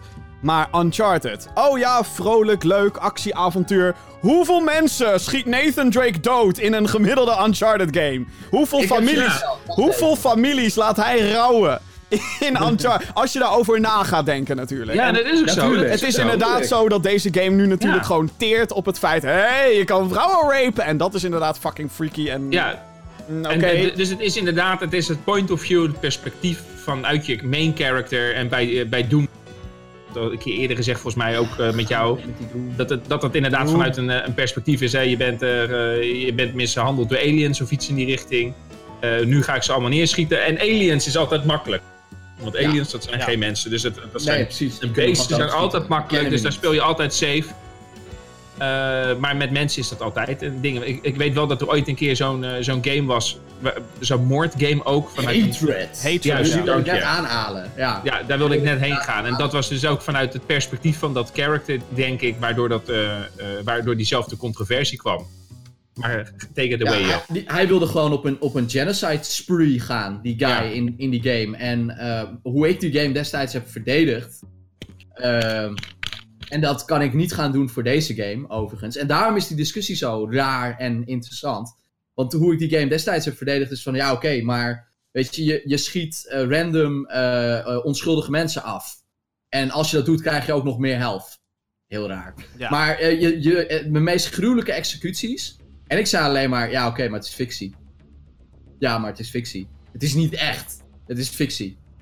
En toen zei ik ook, het gebeurt ook in, in films, het gebeurt ook in boeken, eh, het gebeurt op televisie. Waarom zou dit niet kunnen?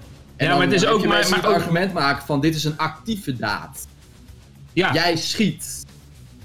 Dus jij, ja, jij bent ook nu de verkrachter. En dat zou dan de reden zijn waarom dit inderdaad echt niet kan. Omdat Ja. het een actieve daad is.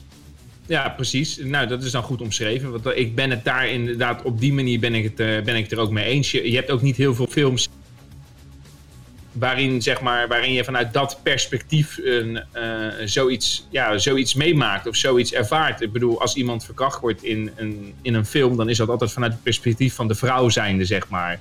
Die daar dan vervolgens haar motief op kan baseren om dan die verkrachter te vermoorden. Wat dan eh, wel Ja, zou want je zou kunnen, dat soort daden de- zou je natuurlijk niet goed kunnen praten. Ik bedoel, je ziet ook Nee. zelden een, een, een actieheld die zonder motief inderdaad bad guys neerschiet. Precies. Ja, a- anders, anders heb je inderdaad geen reden om, om, om eh, te rooten voor iemand of zo. Ja, precies. Dan En, denk ik denk, ja, en, en het heeft, en het heeft natuurlijk ook te maken met identificeren met je personage. Ook. En, en ik denk dat heel veel mensen zoiets hebben van... Nou, ik kan me hier niet mee identificeren. Ik ben daar één van, dus ik vind dat eh, niet kunnen dit. Nou, ik denk dat als ze Rape Day op een schijfje gooien en gewoon Ja. in Japan uitbrengen, dat het een heel groot succes zal zijn. Nou ja, zeg. Ja, nee, ja, daar zijn dat soort spellen Het populair. is niet genoeg anime, dat werkt niet. Ja, oké, misschien is het inderdaad niet anime genoeg. Maar Nee. je snapt wat ik bedoel. Ja, ja. Het heeft dus ook met cultuur te maken. Zeker, ja, ja, ja, ook ja. En voor iedereen is het natuurlijk ook weer, die kijkt er toch net een beetje anders naar. En, eh. Ja, daarom kreeg je die warning bij 13 Reasons Why. Ik bedoel, als jij er zelf mee te maken hebt gehad, dan, dan praat je er al heel anders over dan wanneer dat niet zo is. Ja, zeker, Dus. zeker. Ja. Eh, gaan we naar de mail, podcast.gamergeeks.nl. Als jij vragen of commentaar hebt voor de show of alles wat er tussen, tussenin hangt. eh, mail, Eh, de hele week staat de mailbox gewoon open. Podcast.gamergeeks.nl Hey geeks, ik hoop dat, eh, dat jullie weer al een toffe week hebben gehad. Mijn vraag. Mijn favoriete game op de PlayStation 4 is Horizon Zero Dawn. Er zijn geruchten dat er een deel 2 aan zit te komen. Nou ja, ik denk dat we al kunnen stellen dat die sowieso eraan komt. Verwachten jullie... PS5 launch titel. Hoppa. Nou ja, dat is de vraag. Verwachten jullie dat deze nog verschijnt op de PlayStation 4 of misschien als launch game voor de PlayStation 5? Ik denk geen van beide. Ik denk dat dit geen launch game zal zijn voor de PlayStation 5, maar Binnen de eerste zes maanden. Ja, ik weet niet of misschien een jaartje, maar we zullen het zien. Of allebei. By the way, bedankt voor de toffe video's van deze week. Groetjes, groetjes van Ludwig. Ja. Dankjewel, Ludwig. bedoel, het is natuurlijk niet de eerste keer dat... eh, we hebben, we, we hebben, dat was, was dat bij Uncharted, was dat zo? Of Uncharted, sorry, bij The Last of Us. Dat was zeg maar zowel een eind als een launch eh, titel. Of was, het was alleen het eind? Ja, het was een Het remaster. was eind, eind van de eh, PlayStation 3 en toen, toen de PS4 een jaar, toen was het inderdaad een remaster. Of Ja. anderhalf jaar of zo. Eh, het kan Ja, natuurlijk... Ik denk, ik denk, Het is meer zo'n Zelda-gevalletje waar hij naar hint.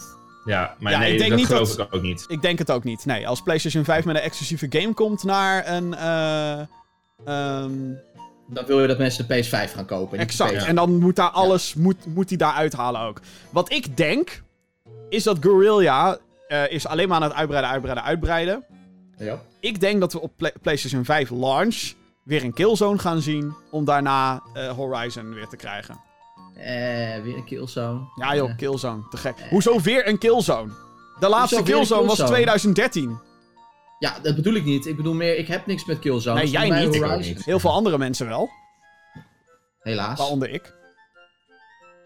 Dus ja, dat. Ik hou niet van shooters. Eh, dag beste geeks. Gaming heeft heel veel prachtige muziek met zich meegebracht. Maar als jullie een nummer zouden mogen kiezen voor een gaming anthem.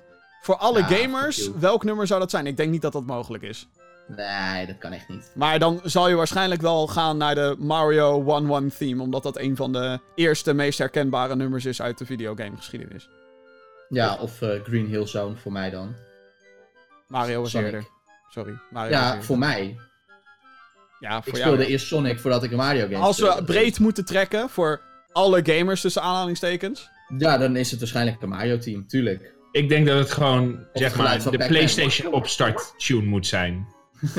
De eerste De Playstation. eerste PlayStation. Ja.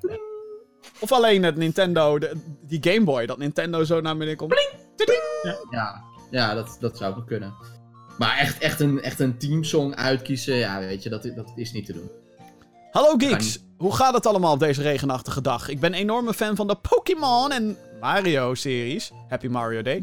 Nu wil ik eh, de Switch wel kopen, maar waar moet ik op letten? Want ik zie bij een, eh, de Game Mania, daar ga ik hem waarschijnlijk kopen en wat games verkopen die ik niet meer speel en zoiets. eh, verkoop niet je games bij Game Mania. Je krijgt echt 5% van wat je waarschijnlijk zou moeten krijgen. Don't do it. Dat er meerdere bundels zijn. Zo ook met een SD-card, travel case, screen protector, game voor 405 euro. Maar de gewone 309 euro. En dan met de game erbij op plus min 370 euro.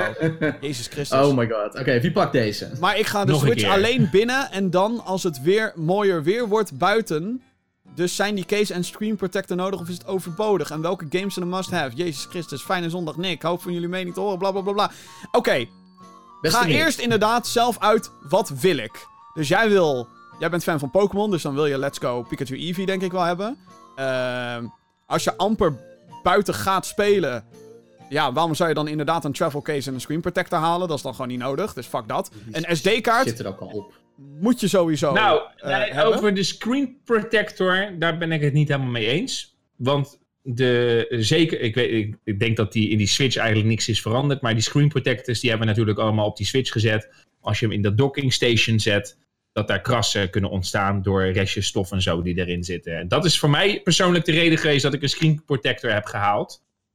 En omdat mijn vriendin de Switch wel eens meeneemt eh, na- richting onderweg naar haar werk. ik heb, er nog, van, ik heb er nog helemaal mee, geen eh, last van gehad, van die eh krasjes. Helemaal niet. Er zit toch al een screen protector op? Of is dat, is dat gewoon een Ja, dat is gewoon plastic die iedereen er meteen afrukt. De. Oh ja, die zit Fucking er vervelend. Ja, dus ik heb er dus op. wel een screen protector op gezet. Vanwege eh, die issues. En ik weet niet of die issues. Eh, maar eh, ja, dat is het laatste. Ik, ik, ik, het is wel zeg maar zo, er zit er een kras in je switch, dan kan je hem niet meer onzien, zeg maar. Nee. Nee, tuurlijk. Nee. En, eh, Eh, en Sowieso, bij mij zit hij wel maar 9 van de 10 keer zit hij wel gewoon, blijft hij gewoon in een docking station zitten. Dat dan wel wel. Dus als het bij hem zo is ook, ja, als je er niet mee door naar je slaapkamer gaat, bij wijze van, of niet mee naar de keuken gaat en je blijft hem altijd spelen op de dan is het niet nodig. Maar een screen protector, dat zou ik aanraden. En zo'n case ook hoor. Ik bedoel, dat is Ja, ook niet zo tuurlijk. heel veel geld. Dat, is, eh, dat, kan je, dat kan je ook bij de Action kan je ook een case halen. Dat hoeft allemaal niet zo duur te zijn. Het ligt eraan wat Zeven je zelf... bij een of andere Chinese winkel. Daarop, precies, online. Oké, eh, welke, welke game is een must-have? Welke game is een must-have? Eh, Super Mario Ja, hij zegt dat hij van Pokémon houdt. Dus ik zou gewoon, eh, ik zou gewoon die? Pokémon eh, gaan halen. Odyssey, Pokémon, eh, Maar houdt van Mario, zei hij dat dan? Mario en Pokémon. Maar ja, ja, ja. je kan dat natuurlijk Maar ik denk dat het een beetje open deur is hoor. Ik denk dat, eh, dat deze beste weet. Odyssey en Let's Go, ja. Ja. En pre-order neerzetten voor Sword and Shield. Super Mario Ja, Maker precies. 2 komt er ook nog aan. Oh ja, juni, ja. ja, ja, ja, Dikke prima.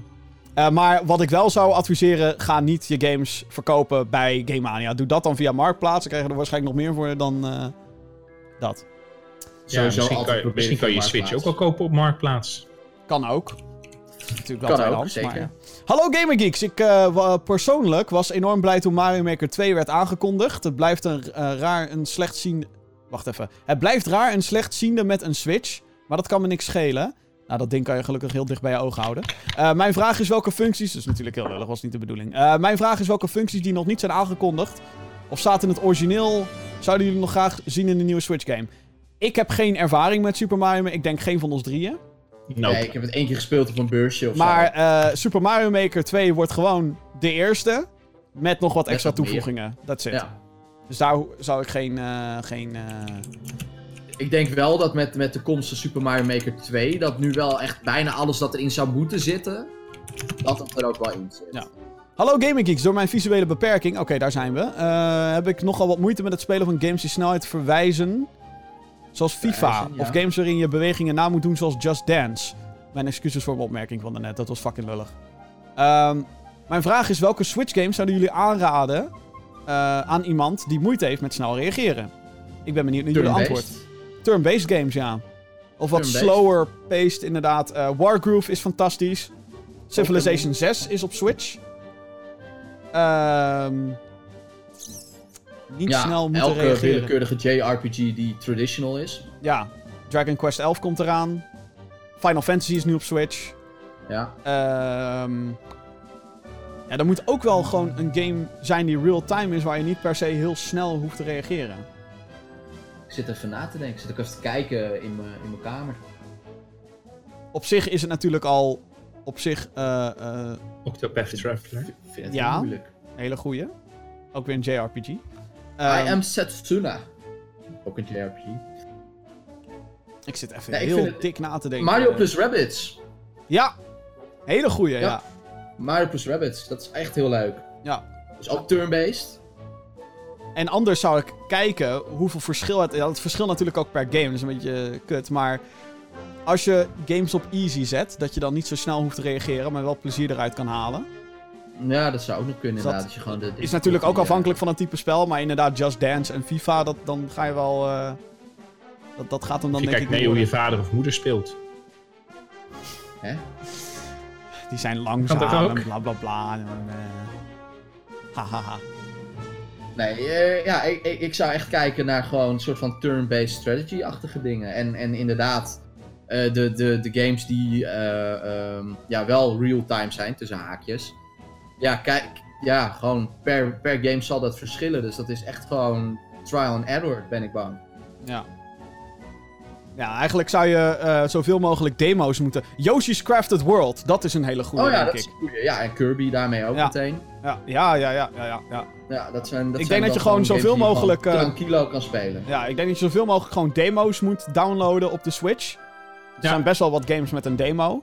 En dan gewoon Mhm. kijken of dat je bevalt. En eh, zowel, ja, nou, te gek. Dan moet je kijken of je daar het geld voor over hebt. En niet, ja, nou, dan weet je dat ook weer. Overigens, eh, inhakend nog even op dat, eh, op dat Pokémon verhaal van iemand van de Pokémon fan. Eh, daar is ook een demo van, hè, van Let's Go. Dus Oh ja. als je niet zeker weet met Let's Go. eh, dan moet je eerst er de Switch staat halen. tegenwoordig een demo, staat een demo online. Ja, maar dan moet je eerst de Switch halen. Eh, ja, dat is wel een eis. Anders doet hij het niet. Eh hoi Geeks, eh, mailt Erik. Vorige maand was de game For Honor in PlayStation Plus. Deze heb ik uitgebreid gespeeld. Een paar weken geleden was de Complete Edition van 100 euro naar 49 euro afgeprijsd. Toen ik deze wilde kopen, lukte dat niet omdat ik de basisgame al had. Ik heb meerdere malen contact gehad met de PlayStation Nederland en Ubisoft. Beide konden voor mij niks betekenen. Wat blijkt? Stel je krijgt iets uit de PlayStation Plus Store en die wil je upgraden, dat kan dan gewoon niet. Bullshit, wat vinden jullie hiervan? Oké. Dus van Erik. Ja, als dat niet kan, dan is dat bullshit. Ja, inderdaad. Maar je kan toch gewoon een, season passes en dat soort dingen kun je wel kopen. Ja, want je probeert de Complete Edition te kopen. En een upgrade, dan moet je zeg maar uit gaan vogelen wat de Complete Edition inhoudt. en dat kan bij Ubisoft games soms best lastig zijn. Ja, met al die acht versies. Ja. Ehm, dus ik, ik weet niet echt hoe dat zit. Maar je zou denken dat dan de individuen op dat moment ook in de aanbieding zijn. Ja, volgens mij is dat ook zo. Maar dat, Maar dat dacht ik. Ik heb het wel eens Ja, dan zou je echt gaan kijken naar, naar, naar season passes en gewoon inderdaad de, de, de, micro, eh, de microtransacties. Maar ja, ik zie dat ook wel eens op Steam hoor. Dat ik dan denk, hé, hey, een bundel is in de aanbieding tof. Maar ik wil eigenlijk alleen dat stuk content hebben. Dat is dan ineens niet de aanbieding. Waardoor je een soort van getriggerd wordt om eh het meeste te kopen. ja, Maar ik, ja. weet niet, ik, weet, ik weet hier niet alles vanaf. Dus ik zou het niet, niet durven zeggen.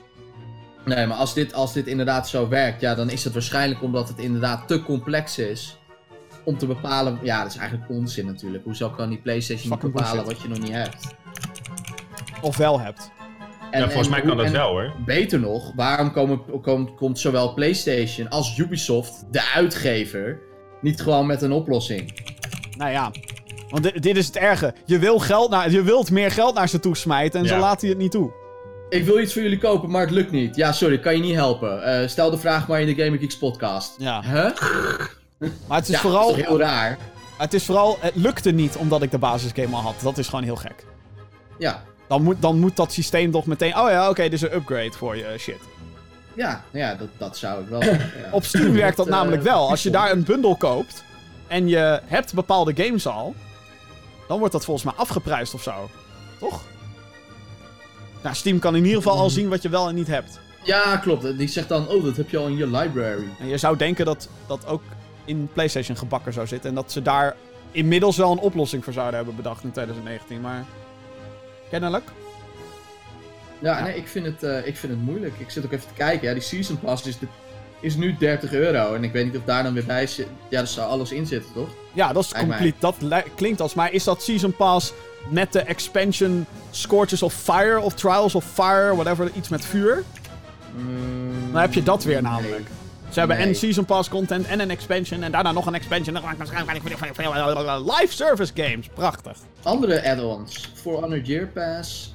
Oh ja, hier. Ja, en die Marching Fire expansion Marching Fire, dat was hem. Ja. Die is dan weer 30 euro inderdaad. Dus Ah, ja. dat is additioneel op je Season Pass.